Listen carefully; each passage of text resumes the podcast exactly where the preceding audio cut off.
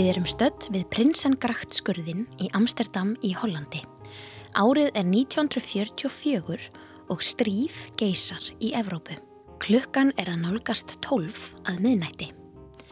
Átta manneskjur setja þjætt saman og láta ekki heyrast svo mikið sem andar drátt í sér.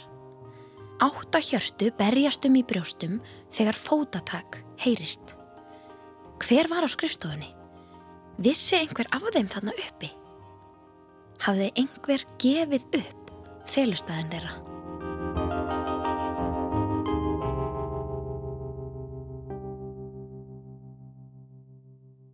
Þetta er sagan af Önnu Frank, stelpunni sem neytist til að fara í felur þegar stríð geysaði í heimalandi hennar. Í meira en tvö ár bjó fjölskylda Önnu í leini íbúð bak við bókaskáp á vinnustad pappa hennar. Þar skrifaði Anna í dagbók. Þessi dagbók var gefin út eftir að hún dó og er í dag frægasta dagbók allra tíma.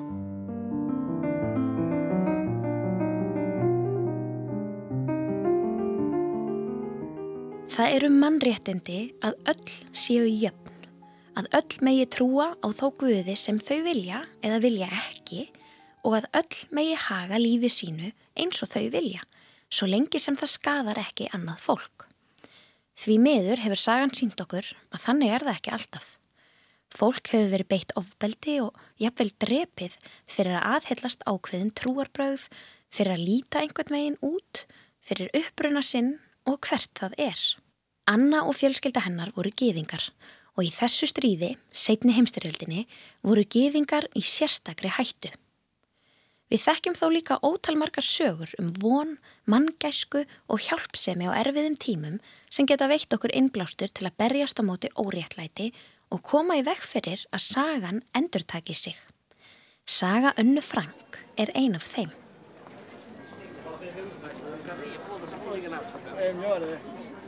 Við skulum byrja á að ímynda okkur borg í Evrópu. Þessi borg heitir Amsterdam og er í Hollandi. Árið er 1933 en við erum komin næstum 90 ár aftur í tíman. Fjölskylda Önnu Frank er nýflutt til Amsterdam. Anna, mamma hennar Ídið, pappi hennar Otto og Margó, eldri sýstir hennar. Otto stopnaði fyrirtæki þar eftir að hafa mist fyrirtæki sitt í Þískalandi þar sem þau byggu áður. Á þessum tíma fór hatur á geðingum vaksandi í Evrópu.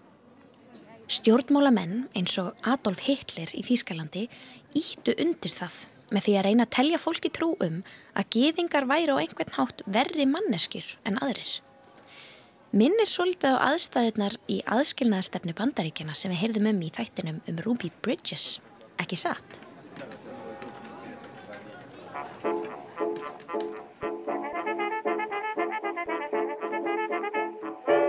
En hvað eru geðingar? Gýðingar eru þjóð, menningarhópur og trúarlegur söpnuður sem aðhyllist gýðinga trú. Þeirra er eins og elsta í heimi þar sem er bara einn guð en ekki margir eins og til dæmis í ásatrú eða hinduisma. Trú kristina og muslima á sín líkindi með trú gýðinga en þó hafa verið mikil átök á milli þessara hópa í gegnum aldrinnar. Gýðingar hafa verið offsóttir. Að vera ofsóttur þýðir að einhver einn hópur fer illa með annan hóp eða einstakling á skipulaðan hátt, oft og reglulega. Eins konar eineldi.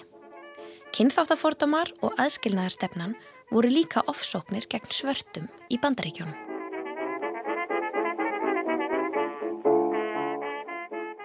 Hvað gerðist eiginlega í setni heimstyrjöldinni? Setni heimstyrjöldin stóði yfir í Evrópu á árunum 1939 til 1945. Hún var stríð á milli tveggja hópa. Þjóðverjar, Ítalir og Japanir á móti bretum, frökkum, rúsum, kínverjum og bandaríkjamunum. Sumar þjóðir, eins og hollendingar, voru hlutlausar en það þýðir að þær voru ekki með neinum í liði. Þjóðverjar áttu upptökin að stríðinu. Árin á undan hafði almenningur í Þýskalandi átt frekar erfitt vegna fátæktar og afleiðinga fyrri stríða. Nasistaflokkurinn var stjórnmálaflokkur sem náði völdum áður en stríðið hófst. Menn og konur sem fylgdu þeim stjórnmálaflokki kölluðust nasistar. Nasistar trúðu því að þjóð þeirra veri útvalin, betri en aðrar og að þeir veru fættir til að ráða yfir öðrum þjóðum og kynþáttum. Þeir hefðu mikla fordóma fyrir geðingum, rómafólki, fólki með föllun og öllum sem þeim fannst ekki vera jafn góðir og þeir. Þeir vildu hafa einn sterkan leiðtoga sem segði öllum hvernig þau ættu að lifa sínu lífi. Leiðtógin aðsista flokksins hétt Adolf Hitler. Í setni heimstyrjaldinni réðust þjóðverjar inn í önnur lönd í Evrópu og tóku völdin í þeim til að stækka ríkið sitt. Þeim tókst það til dæmis í Hollandi þar sem Anna Frank bjó. Allstaðar þar sem nazistar náðu völdum reyndu þeir að útrýma öllum sem þeim var illa við. Í nýja ríkinu sem þeir kölluðu þriðja ríkið áttu allir að líta eins út, aðhyllast sömu trú og skoðanir og nazistar. Hitler var sérstaklega illa við geðinga. Hann sagði að þeir væru ástæðið þess að Þískaland hafi tapað fyrir heimstyrjöldinni og að þeir væri hættulegir þýsku samfélagi. Í setni heimstyrjöldinni dóu miljónir geðinga í Evrópu, meðal annars í fangabúðum sem nazistar byggðu. Þetta kallast í dag helförinn gegn geðingum.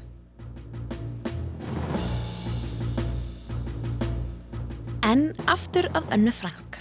Hún fættist í Þýskalandi árið 1929. Geðingahatur og ofsóknir röktu fjölskyldu hennar frá Þýskalandi þó svo að stríðið hafi ekki byrjað formlega fyrir enn fimm árum eftir að þau fóru. Geðingar máttu ekki lengur reka fyrirtæki í Þýskalandi og því stopnaði Otto, pappi hennar, fyrirtæki í Hollandi.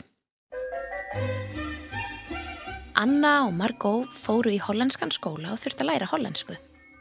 Anna var mjög fjörugstelpa sem elskaði að leika sér við vini sína og let sig dreyma um að verða kvikmyndastjarnar og bladamadur.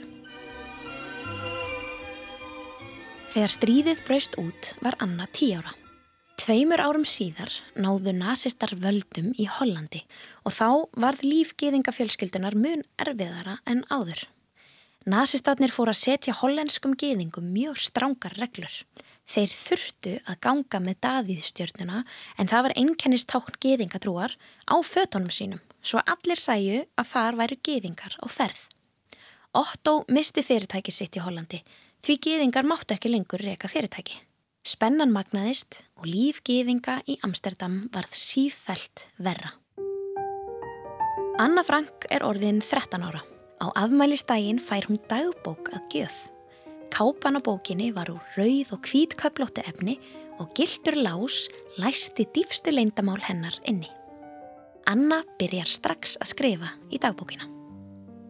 12. júni 1942 Ég vona að ég geti trúað þér fyrir öllu, meiru en ég hef nokkur tíma geta trúað nokkrum öðrum fyrir og ég vona að þú verði mér til mikillar hugristingar og stöðnings. Það er komin júli, sama ár og Anna fær dagbókina. Pappi hennar og mamma hafa verið með ráðabrugg í gangi vikum saman. Þau hafa verið að flytja húsgögn og fatnað úr íbúðinni sinni á annan stað. Þau ætla í felur. Um þetta leiti er verið að senda geðinga úr landi til að vinna í fangabúðum nazista og einn daginn fær Margot, sýstir önnu, slíkt bref. Hún átt að gefa sér fram undir eins. Fóreldrar hennar taka það ekki mál og fara umsvefa löst í felur. Það fyrsta sem ég stakk niður í töskuna var dagbókin, síðan krullujátn, vasaklútar, skólabækur, greiða og nokkur gömul bref. Annars hugar, megna tilhugsunarinnar um að fara í felur, setti ég fyrðulegustu hluti ofan í töskuna, en mér þykir það ekkert verra. Minningar eru mér dýrmætari en kjólar. Þau hafa innréttað litla íbúð á vinnustaf Ottós fyrir ofan vöruskemmuna. Ingangurinn er vandlega falinn á bakvið þungan bókaskáp. Engin veit af fjölskyldinni þar nema nokkri starfsmenn sem hafa hjálpað þeim og útvegað fjölskyldinni född, mat og aðrar vistir. Frank fjölskyldan er ekki lengi einn á felustafnum því stuttu síðar kemur einn þryggja manna geðingafjölskylda í fylgsnið til þeirra. Stríðið er tekið að hardna og engin geðingur er örugur fyrir ofsóknum nazista. Anna gefur dagbókinu sinni nafnið Kitty. Hún heldur áfram að skrifa í hana næstu tvö árin á meðan fjölskyldan er í felum.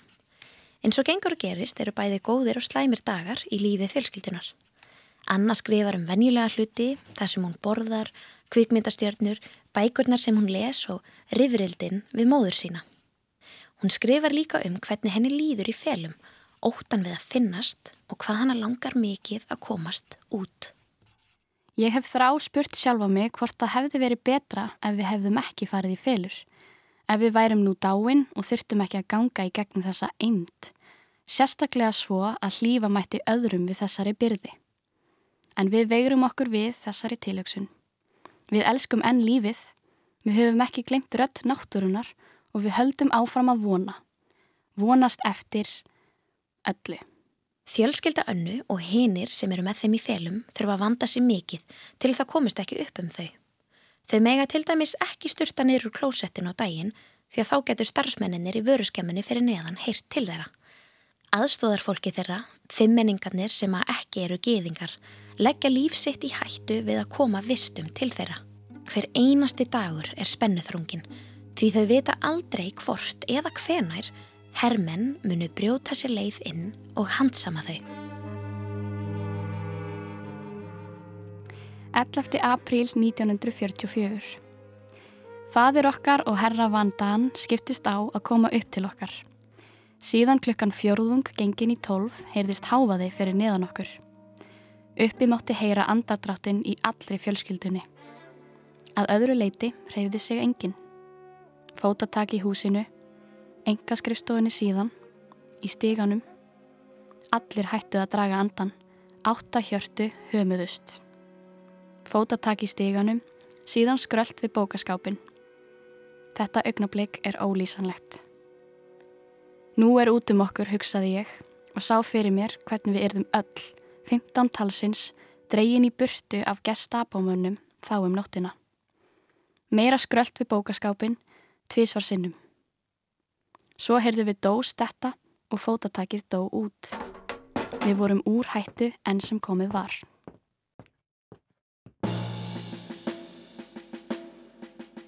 Þessir gesthapómenn sem Anna talar um hér voru í sérstakri lauruglusveit nazista sem þefaði uppi gýðinga í felum. Gestapó starfaði um alla Evrópu og sendi gýðinga í fangabúðir. Stoppum aðeins hérna. Hvað eru fangabúðir? Fangabúðir eru staður þar sem fólki er haldið sem föngnu af pólitískum ástæðum. Ólíkt venjulegum fangelsum þá er fólk ekki endilega þar vegna þess að það hafi gert eitthvað ránt eða brotið lög, heldur af því að það tilherir hópi fólks sem ríkistjórnir og stjórnmálamenn vilja stjórna, refsa eða taka úr umferð af einhverjum ástæðum eins og í stríði. Fyrst sendu nazistar pólitíska andstæðinga sína í fangabúðir en svo fór að bera meira á því að þeir sendu þangað fólk sem þeim fannst ekki passa inn í þar sem þeim fannst vera hið fullkomna samfélag. Þar á meðal var rómafólk, samkynneiðir, fólk með föllun og gýðingar. Gýðingar voru stærsti hluti fangana í fangabúðum nazista. Þeir voru látnir vinna erfiðisvinnu við mjög slæmar aðstæður. Þeir fengu ekki hlýföt eða næringaríkan mat og margir versluðust upp og dóu. Þegar leið á stríðið færðist aukin harka í skipulagða útrýmingu og geðingum í ríkin nazista. Þeir fóru að senda fólk í þúsunda ef ekki miljónatali í fangabúðir til þess eins að drepa það. Frægustu fangabúðir nazista sem setna var farið að kalla útrýmingarbúðir voru búðirnar í Ásvits sem eru í Pólandi. En þann dag í dag er hægt að fara og skoða Ásvits. Þar er nú sapn til minningar um þau sem létust þar. Mörgum þykir mikilvægt að halda sögu þeirra á lofti og minnast þessara ræðilegu atbyrða til að koma í veg fyrir að sagan endur taki sig. Ef ég hugsa um hvernig við búum hér í leini íbúðinni þá kemst ég oft að þeirri niðurstöðu að þetta sé paradís meða við hvernig aðrir geðingar sem eru ekki í felum hljóta að búa. Anna hefur miklar áhegjur af vinum sínum sem hún hafði mist sambandi við þegar hún fór í felur. Þetta var stór hættulegur tími fyrir geðinga og ekki margir sem höfðu jafn góðan felustaf og frankfjölskyldan. Mér líður eins og ég sé vond, eins og ég sé að gera eitthvað af mér þegar ég sef í hlýju rúmi á meðan einhversteðar þarna úti eru kærir vinir að rinja niður af örmögnun eða jafnvel slegin niður. Ég verð hrætt þegar ég hugsa um nána vini sem eru nú upp á náð og miskun ílkvittnustu skrýmsla sem hafa nokkur tíma strunsað um þessa jörð. Frank fjölskyldan var í felum í tvö ár. Stríðið harnaði og aðstæður versnuðu. Ótalmargir dóu í stríðsátökum og fangabúðum. Matur var af skornum skamti og úttalt fjölskyldunar í leini í búðinni fór minkandi. 11. júli 1944 Ég sé heiminn fyrir mér breytast smám saman í auðn. Ég heyri þrjumurnar sem nálgast og munu einn daginn ger eigða okkur líka. Ég skinnja þjáningar margra miljóna manna. Og samt, þegar ég líti upp til heimins, þá finnst mér einhvern veginn að allt muni breytast til hins betra að miskunarleysi þetta muni einni renna sitt skeið á enda, að friður og ró muni aftur ríkja. Þetta er ein af síðustu dagbókar fæslum önnu Frank. Rúmum þremur vikum síðar stöðvaðist bíl Gestapo í gödunni. Nokkrir menn stegu út úr bílnum, bæði þýskir og hollenskir. Vopnaðir en ekki einkennisklætir. Engver hafði sagt til fjölskyldunar og gefið upp leynista þeirra. Þeir handtóku önnu og alla fjölskyldu hennar, auk annarar fjölskyldu sem dvaldist í húsinu og tveggja af aðstóðarfólki þeirra. Þau fóru öll í fangelsi og fjölskylda önnu var send úr landi í fangabúðir nazista í Ásvits í Pólandi. Þetta var rétt áður en stríðinu lauk og þau voru því meðal síðustu gýðingana sem hlutu þessi skelvelegu örlög. Mamma önnu dó úr hungri og örmögnun. Anna og Margó voru sendar í aðrar búðir, Bergen-Belsen búðirnar. Þar smituðust þær af sjúkdómi sem heitir útbrota taugaveiki. Þær dóu úr sjúkdómnum, einungis mánuði áður en breskar hersveitir réðust inn í fangabúðirnar og frelsuðu alla fangana. Setni heimsturjöldinni lauk árið 1945. Þá gáðust þjóðverjar upp og fangabúðum þeirra var lokað. Otto, pappi önnu, livði fangavistina af og fekk frelsi sitt aftur þegar stríðinu lauk. Hann kom aftur til Amsterdam í júni árið 1945 og hitti þá eina af aðstofarfólki sínu í leini íbúðinni. Hanna Mýp Hís. Hún hafði fundið dagbók önnu eftir að þau voru handtekinn og gemt hana. Hún afhendi Otto bókina sama dag og hann fekk þær hræðilegu fréttir að dætur hans hefðu dáið í fangabúðunum nokkru mánuðum fyrr. Otto ákvaða heiðra minningu dóttur sinnar og uppfylla draum hennar um að verða rétthöfundur með því að gefa dagbókina út. Hún hefur síðan selst í miljónum eintaka um allan heim og verið þýtt á yfir 70 tungumál. Hún er mikilvæg heimild um líf og vonir geðinga í felum á tímum ótrúlegs haturs og ofsókna. Í dag er hægt að skoða leini íbúðina í sapni Önnu Frank í Amsterdam. Á hverju ári kemur meira en miljón gesta þangað. Anna fekk aldrei að vita hversu mikil áhrif þessi dagbókarskrif hennar höfðu á komandi kynnslóðir og heiminn allan. Í einni af hennar fyrstu fætslum segir hún Að skrifa í dagbók er svo sannarlega undarleg reynsla fyrir mannesku eins og mig. Ekki stafar það bara af því að ég hef aldrei skrifað nýtt áður, heldur einni af því að síðan meir munu kvorki ég nýja aðrir hafa áhuga á hugleðingum 13 ára skólastelpu. Ójæja, það skiptir ekki máli. Mér langar til að skrifa og ég hef ennþá meiri lengun til að skýra frá því sem mér býr í brjósti. Við höfum heyrt margar tilvitnanir í dagbók Önnu Frank í þessum þætti. Ég hveti kæri hlustandi til að fara á næsta bókasafn í skólanum þínum eða í bænum eða borginni þar sem þú býrð, taka þessa bókað láni og lesa hana. Að kynna sér söguna og fræðast um heiminn sem var getur kent okkur svo ótrúlega margt. Stundum er sagt að sagan sé sífælt að endur taka sig, en það þýðir einfallega að sömu atbyrðir gerist aftur og aftur. Til þess að geta lært af sögunni og komið í veg fyrir að tímar ofbeldis og ofsókna endur taki sig, er mikilvægt að þekkja gamla sögur, eins og sögu önnu Frank. Síðan þurfum við að spyrja okkur hvort við sjáum slíkar ofsóknir einhver staðar í dag og hvað við getum gert til að hjálpa þeim sem búa við slíkan óta. Þú getur alltaf, alltaf gefið öðrum eitthvað. Jafnvel þó það sé bara einfalt góðverk. Ef allir myndu gefa af sér á þennan hátt og spara ekki góðlátleg orð, þá er þið mun meiri ást og réttlæti í heiminum.